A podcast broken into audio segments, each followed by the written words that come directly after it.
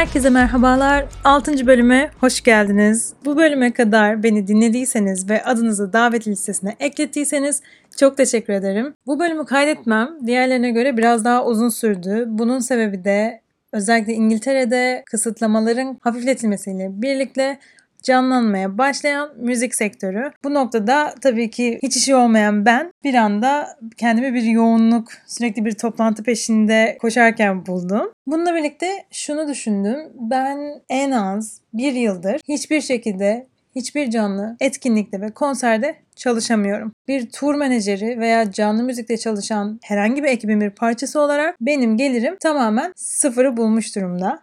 Ancak buna rağmen plak şirketleri ciddi anlamda kazançlar elde etmeye devam ediyor. Hatta bu da yetmezmiş gibi geçen yıllara oranla karlarını belirli bir ölçüde arttırdıklarını açıkladılar. Ve ben şunu düşündüm. Ve bu Türkiye'de de böyle. Özellikle bugünlerde sosyal medyayı, Twitter'ı takip ediyorsanız müzisyenlerin artık isyan etme boyutunda olduğunu, devletten hiçbir yardım alamadıklarını, tamamen kendi başlarına neredeyse ölüme terk edildiklerini görüyorsunuz. Bu gerçekten korkunç bir şey. İngiltere ile karşılaştırmamız gerekirse İngiltere burada çalışan müzik emekçilerini bu yaptığınız herhangi bir iş için olabilir. Kayıtlı olduğunuz ve kendi işinizi yaptığınızı gösteriyor olduğunuz takdirde buradaki insanlar devletten bir hibe aldı yardım aldı ve yardım almaya devam ediyor. Ta ki canlı müzik sektörü açılıp pandemi hafifleyip mümkünse de bitene kadar.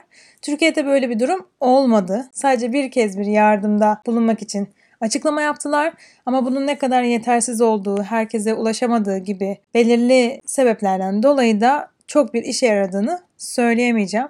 Bu tabii ki devlet bazında değil. Aslında aynı zamanda sosyal kurumlar bazında da böyle. İngiltere'de Help Musicians UK gibi, Musicians Union gibi gerçekten müzisyenleri koruyup kollayan, onların haklarını gözeten birlik dışında kurumlar var.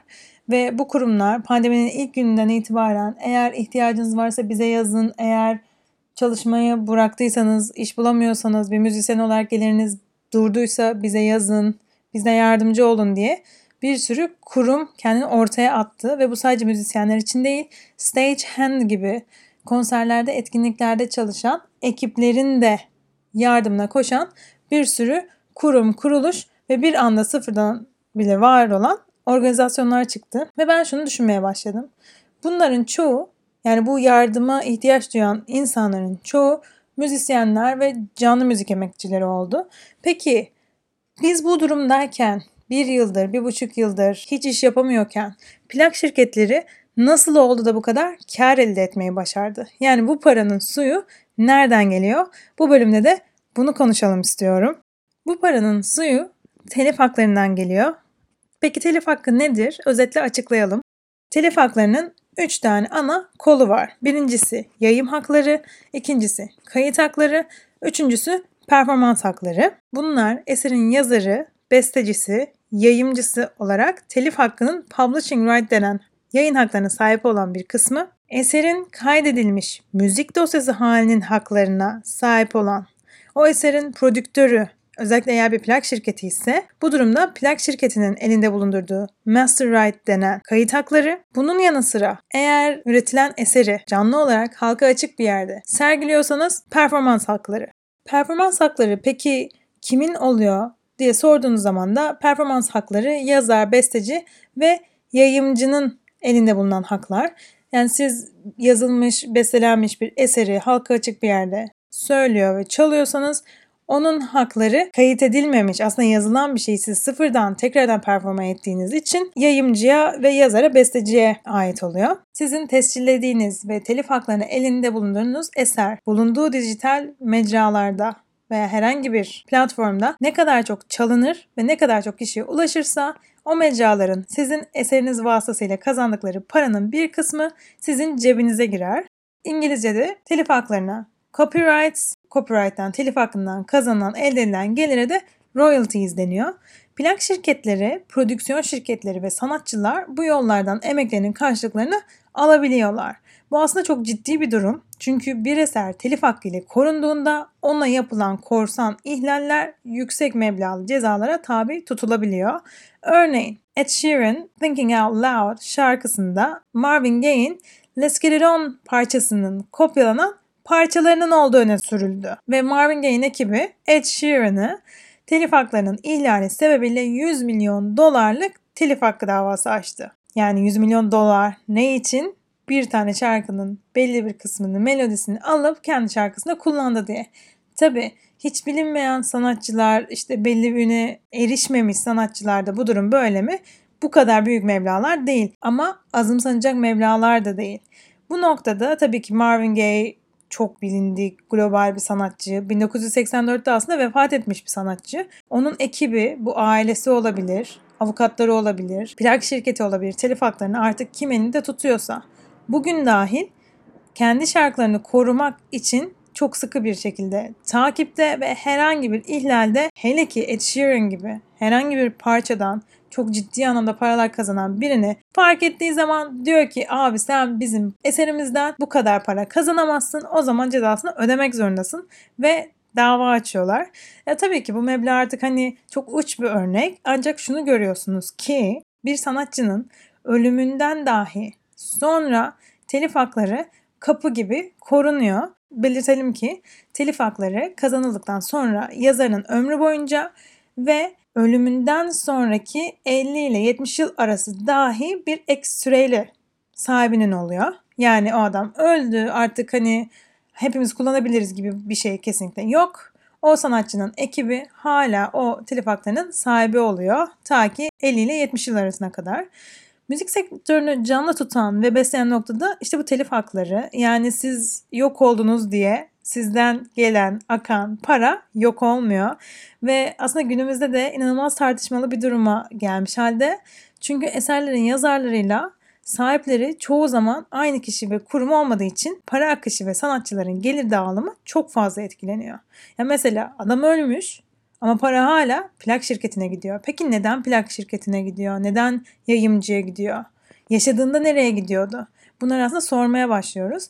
Ve şunu da ayrıca bir parantez açayım. Bu telif hakkında peki sonu ne? Mesela Mozart, Bach, Chopin gibi 200 yıl önce yaşamış, yayımcısı, şusu buzu kalmamış, tamamen devrin değişmesiyle, sektörün değişmesiyle, yeni kurallar ve kanunlarla koruma altına alınamamış eserler public domain yani artık halka mal olmuş hale geliyor. Peki neden biz hala klasik müziğe telif ediyoruz veya klasik müzik için şirketler var?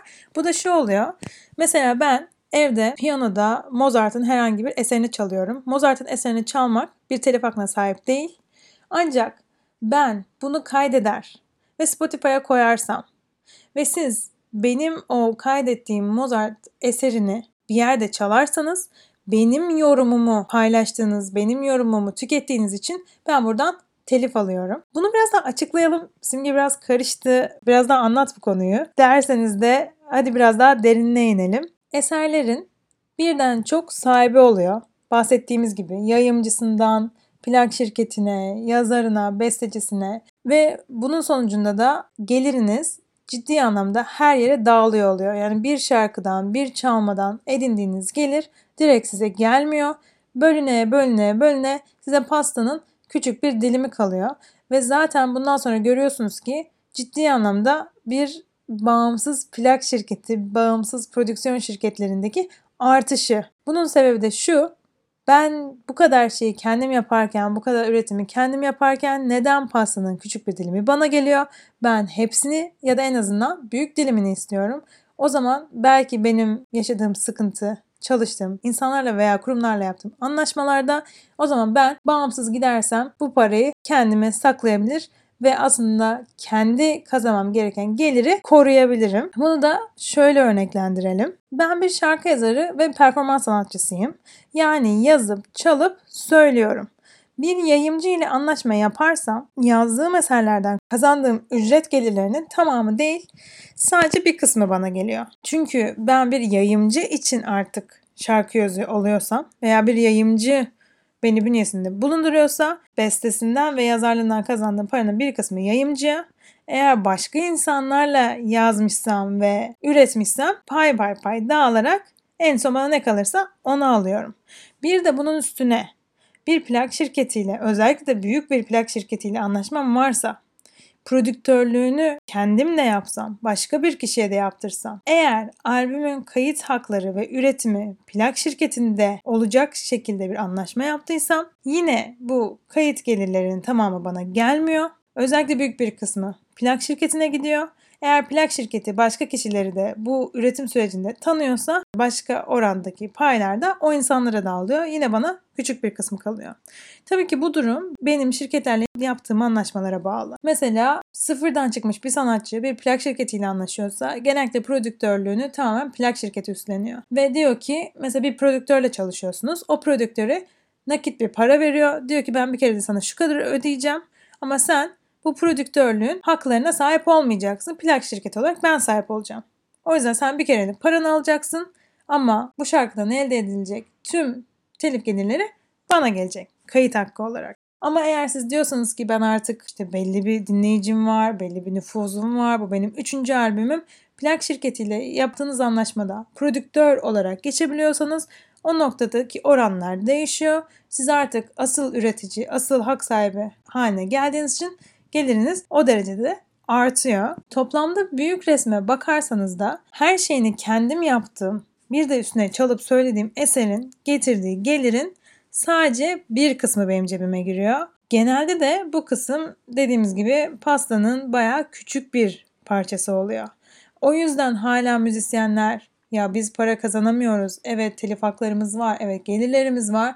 Ancak bunlar bize yetmiyor demesinin sebebi o. Ve canlı müziğe bu kadar ihtiyaç duyulmasının da sebebi o. Çünkü canlı müzikten sanatçı menajerleri ve plak şirketleri ancak belli bir kısmı alabiliyor.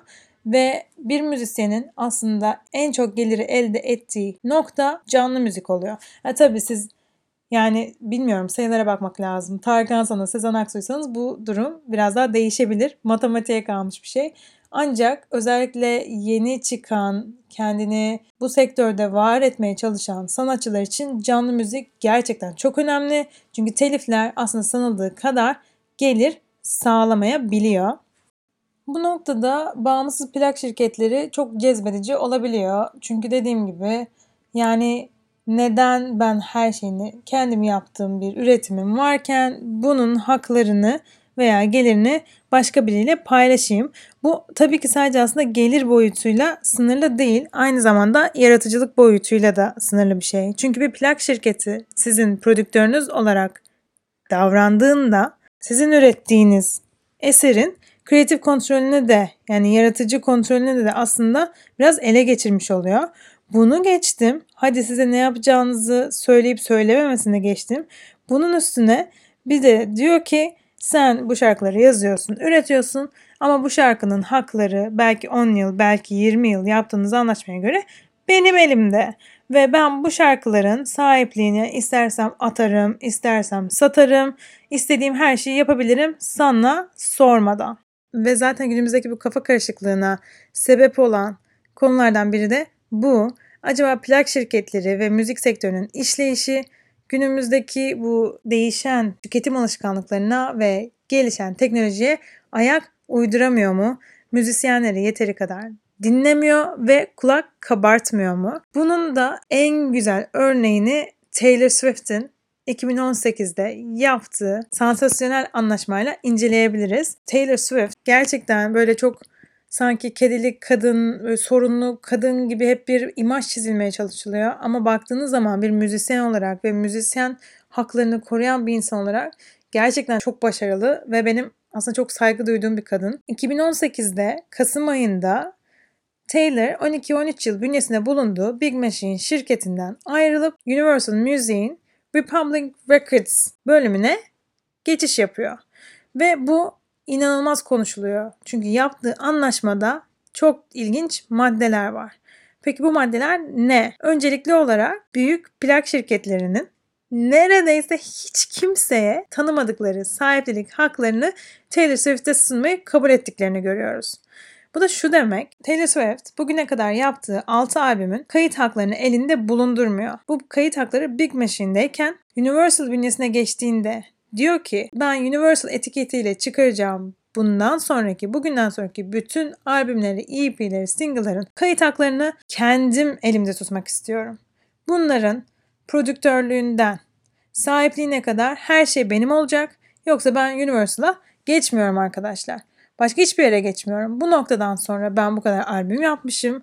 Ben bu kadar isim yapmışım. Global bir müzisyenim. Çok başarılıyım. Bu noktadan sonra kendi ürettiğim eserlerin ne yaratıcılığına, ne sahipliğine, ne de gelirine kimseye dokundurmaya niyetim yok. Universal Music diyor ki Tabii ki Taylor'cığım olur. Biz seni kaybedemeyiz. Biz seni bünyemizde istiyoruz. Ve tabii ki zaten Taylor'dan gelecek başka gelirler de çok rahat bir şekilde olacağı için diyorlar ki tamam.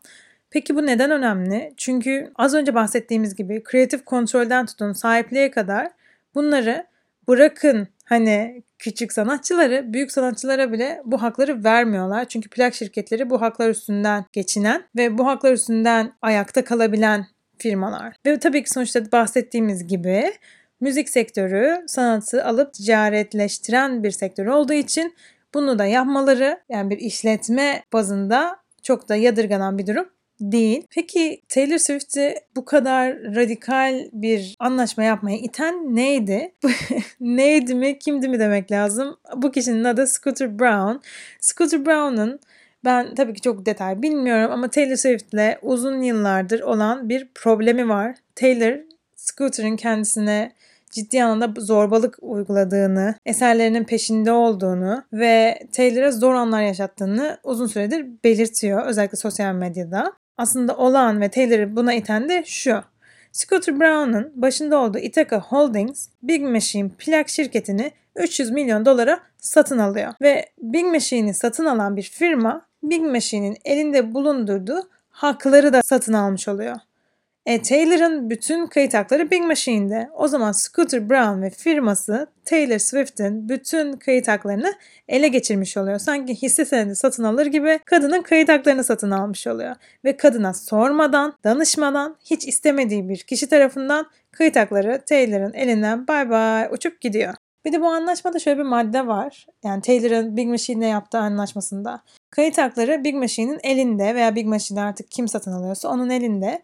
Ancak sanatçılar kendi eserlerini tekrardan kaydedebiliyorlar. Kayıt edilmiş hali hazırdaki albümlerin hakları hak sahibinde kalırken sen gidip aynı şarkıları başka bir stüdyoda başka insanlarla kaydedersen o kayıttan yeni haklar kazanabiliyorsun. Ancak bu tekrar kayıt süreci içinde ayrıca anlaşmalarda maddeler oluyor. Taylor için de 13-15 yıl civarı bir limit vardı. Albümlerin yayınlanmasından sonraki 15 yılda bu albümleri kaydedemeyecekti. E peki ne olmuş bu haklar başkasının elinde kaldıysa? Şimdi kayıt hakkı demek Taylor kafasına göre istediği her şeyi yapamaz demek. Bunlardan biri de canlı performanslar, özellikle kayıt altındayken. Bu anlaşma yapıldıktan sonra Taylor Swift eski albümlerinin özellikle hit şarkılarını bir canlı müzik ödülleri töreninde çalıp söylemek istiyor. Ancak Taylor'ın dediğine göre Scooter Brown ve ekibi buna izin vermiyor. Neden? Yani ne gerekçeyle bilmiyoruz artık bu zorbalık mı aralarında ne geçiyor. Ama Taylor'ın dediğine göre hakları sonuçta elinde olmadığı için ve Scooter Brown bu haklarla istediği kadar oynayabildiği için kadına izin vermiyor. Taylor sonuçta kendi yazdığı, bestelediği, üstüne yıllar harcadığı, bugüne kadar özgürce kullanabildiği eserleri şu an dokunamaz halde. E peki Simge sen demiştin canlı performans yaptığın zaman halka açık bir yerde kayıt hakları değil yayımcı haklarına giriyordu. Şimdi niye böyle bir sıkıntı çıktı? Sorun da şu. Eğer siz bir konserde çalıyorsanız ve o kaydedilmiyorsa tamam. Ama canlı müzik ödülleri törenleri özellikle televizyonda yayınlandığı zaman kaydedilen görüntüler oluyor. Görüntüyü geçtim sesi de kaydedilmiş oluyor. Ve bu noktada kayıt edilen ses dosyası veya görüntü dosyasının hakları kayıt haklarını elinde bulunduran kişiye ait oluyor. Ve Scooter Brown burada istediğini yapma özgürlüğüne sahip oluyor. Bu sebeple de Taylor 2001 yılında tekrardan kaydettiği eski parçalarını yayınlama hakkına tekrardan kavuşacaktı. Aynı yıl en meşhur albümlerinden Fearless'ı Taylor's Version olarak yayımladı. Bu noktada artık yeni kayıtların hakları tamamen kendisinde. Eski şarkılarını istediği gibi, istediği yerde, istediği şekilde performa etme, paylaşma, platformlara dağıtma hakkına sahip olmuş oldu. Yani özgürlüğünü Ithaca Holding ve Scooter Brown'dan geri alıp yeni yaptığı kayıtla tamamen geri kazanmış oldu. Bundan sonra Taylor diyor ki yok yani işte o yüzden Universal ben zaten bu tip insanlarla uğraşıyorum. Eğer sizle iş yapacaksak sizin bünyenizde ben bir sanatçı olarak var olacaksam ben bir daha böyle bir şey yaşayamam. Bir daha haklarımın elinden alınıp başka insanlara satılmasıyla uğraşamam. Ben ne üretiyorsam bunlar bana ait olmalı diyor ve Universal diyor ki tamam haklısın o zaman böyle olsun.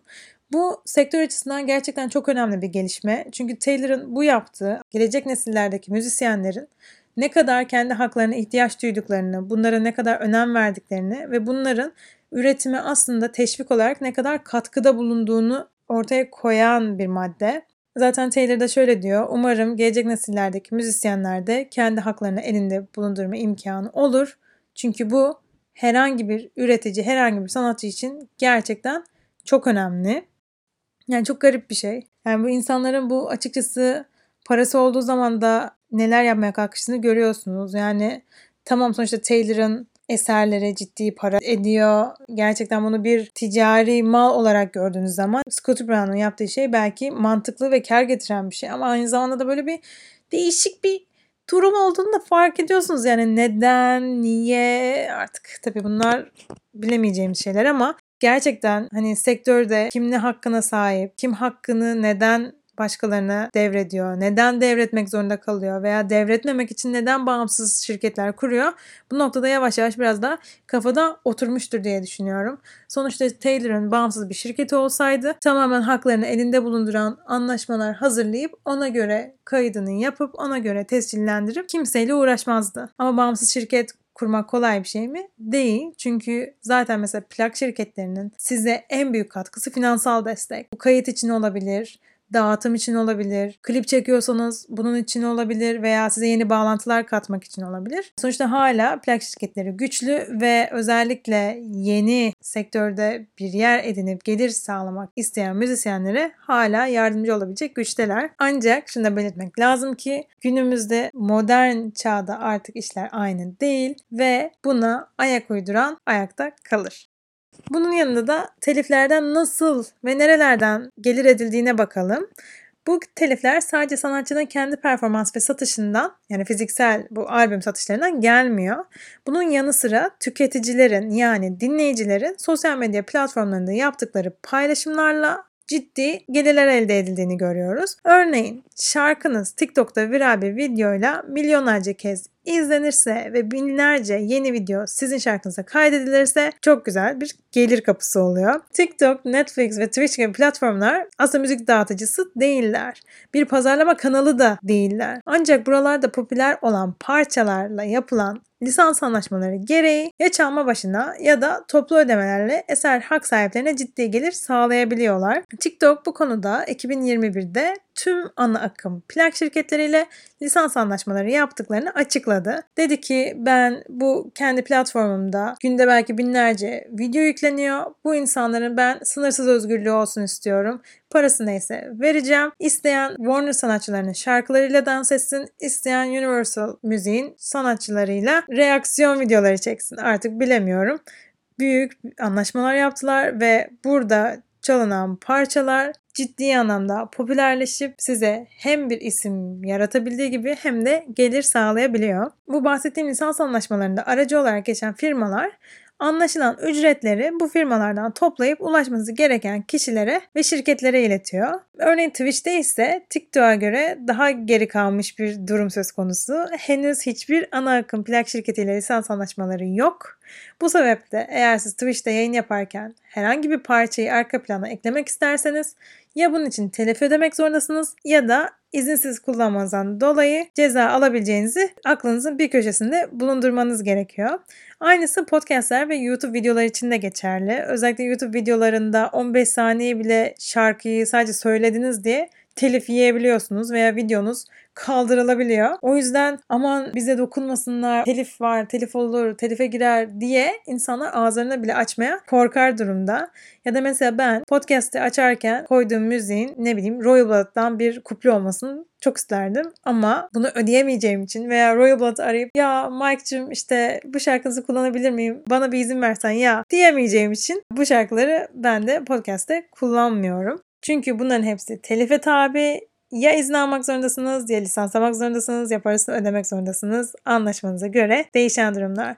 Peki ben müziğimi dijital platformlarla tüm mecralara koydum. Ve TikTok bunları lisansladı. TikTok'ta bir video çekildiğinde benim müziğim kullanıldığında bunun parası bana nasıl geliyor? Bunun parasını, bunun gelirini ve kim nerede neyi kullanmışı takip eden meslek birlikleri var. Her ülkenin normalde kendi meslek birliği var. İngiltere'de bu sadece iki taneyken Türkiye'de 6 tane farklı meslek birliği var. Bunlar ana başlık olarak ikiye ayrılıyor. Biri eser sahipliği yani yayımcı, besteci ve yazarların hakkını koruyanlar. Diğeri fonogram yapımcıları birlikleri yani kayıt haklarını ve fiziksel üretimi yani işte plak, CD gibi üretimlerin haklarını koruyan birlikler. Türkiye'deki kurumlara biraz bakalım. MESAM, Türkiye Musiki Eseri Sahipleri Meslek Birliği, MSG Musiki Eseri Sahipleri Grubu Meslek Birliği, MIOR 1 Müzik Yorumcuları Meslek Birliği, Müzik 1 Bağlantılı Hak Sahibi Fonogram Yapımcıları Meslek Birliği,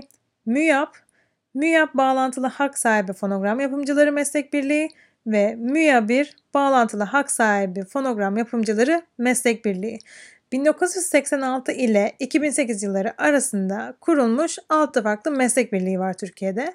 Peki neden hepsinden üçer üçer var sorusunu açıkçası ben bilmiyorum. Kesinlikle bunu uzmanına veya bu meslek birliklerinden birine sormak lazım. İlla ki bir sebebi vardır. Bunun sebebi politik de olabilir, ticari de olabilir. Dediğim gibi bir uzmanına danışalım. Ancak İngiltere'ye baktığınız zaman burada şöyle deniyor. Sonuçta bizim amaçlarımız aynı, hedeflerimiz aynı. Biz eser sahibini, hak sahibini korumak istiyoruz.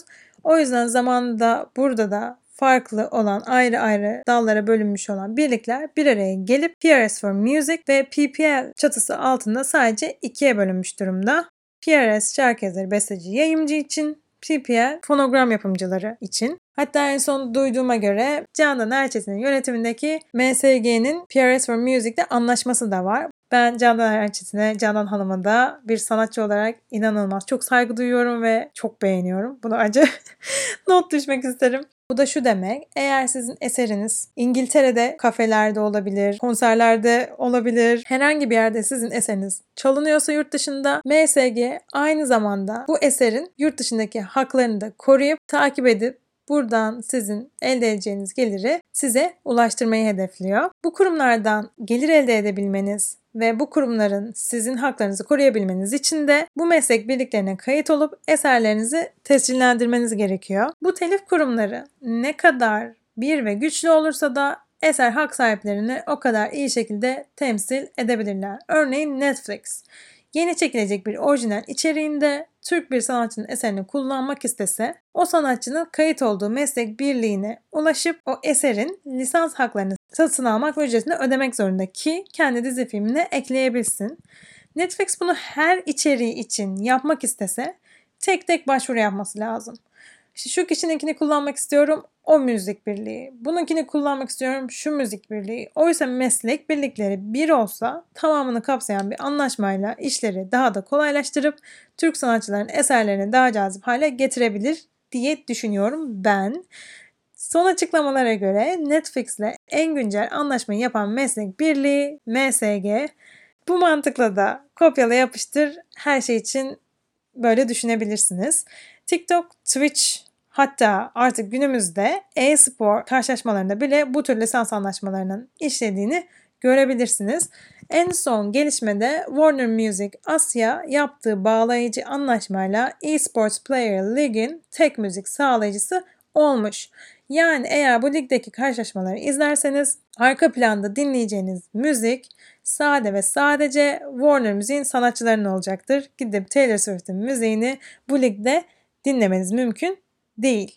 Bu da anlaşmaların ana akım plak şirketlerini aslında ne kadar ileri taşıdığı, gelirlerini ne kadar arttırdığı ve kendilerine ne kadar daha farklı pazarlama kanalları ve gelir kapıları bulduğunu gösteren nitelikte. Ve şunu fark ediyorsunuz hala pazarda çok fazla potansiyel var. Gerek gelir için, gerek tanıtım için, gerek reklam için önemli olan ilerici vizyonu koruyup herkesten önce davranmak ve kendi sanatçılarının haklarını koruyup onlar için yeni gelir kapıları açmak. Böylece de bu bölümün sonuna gelmiş oluyoruz. Çok özet bir şekilde müzik sektörünün pandemide bile aslında nasıl ayakta kaldığını ve bu paranın suyunun nereden geldiğini konuşmuş olduk. Bu aslında çok ciddi ve sektörü ayakta tutan temel bir konu. Sonuçta gelirler doğru dağıtılmaz ve artırılamazsa sektör küçülüp ilerleyemez hale gelir. Tabii ki ben hani sektörün karını arttırmak için inanılmaz fahiş fiyatlara gidilmesi ve fiyat artışlarının yapılmasını savunacak halde değilim. Ancak şu yönden bakmak gerçekten çok ilginç. Müzik her yerde ve her mecrayla iç içe. Bunu fark ettikçe eser üreticileri ve sahipleri çok daha güçleniyor ve kendine bu sektörde çok daha rahat yer bulabiliyor. Bugüne kadar davetli listesini dinlediyseniz ve devamı gelsin diyorsanız lütfen bu podcast'ı dijital platformlarda takip etmeyi unutmayın. Şimdilik hoşçakalın.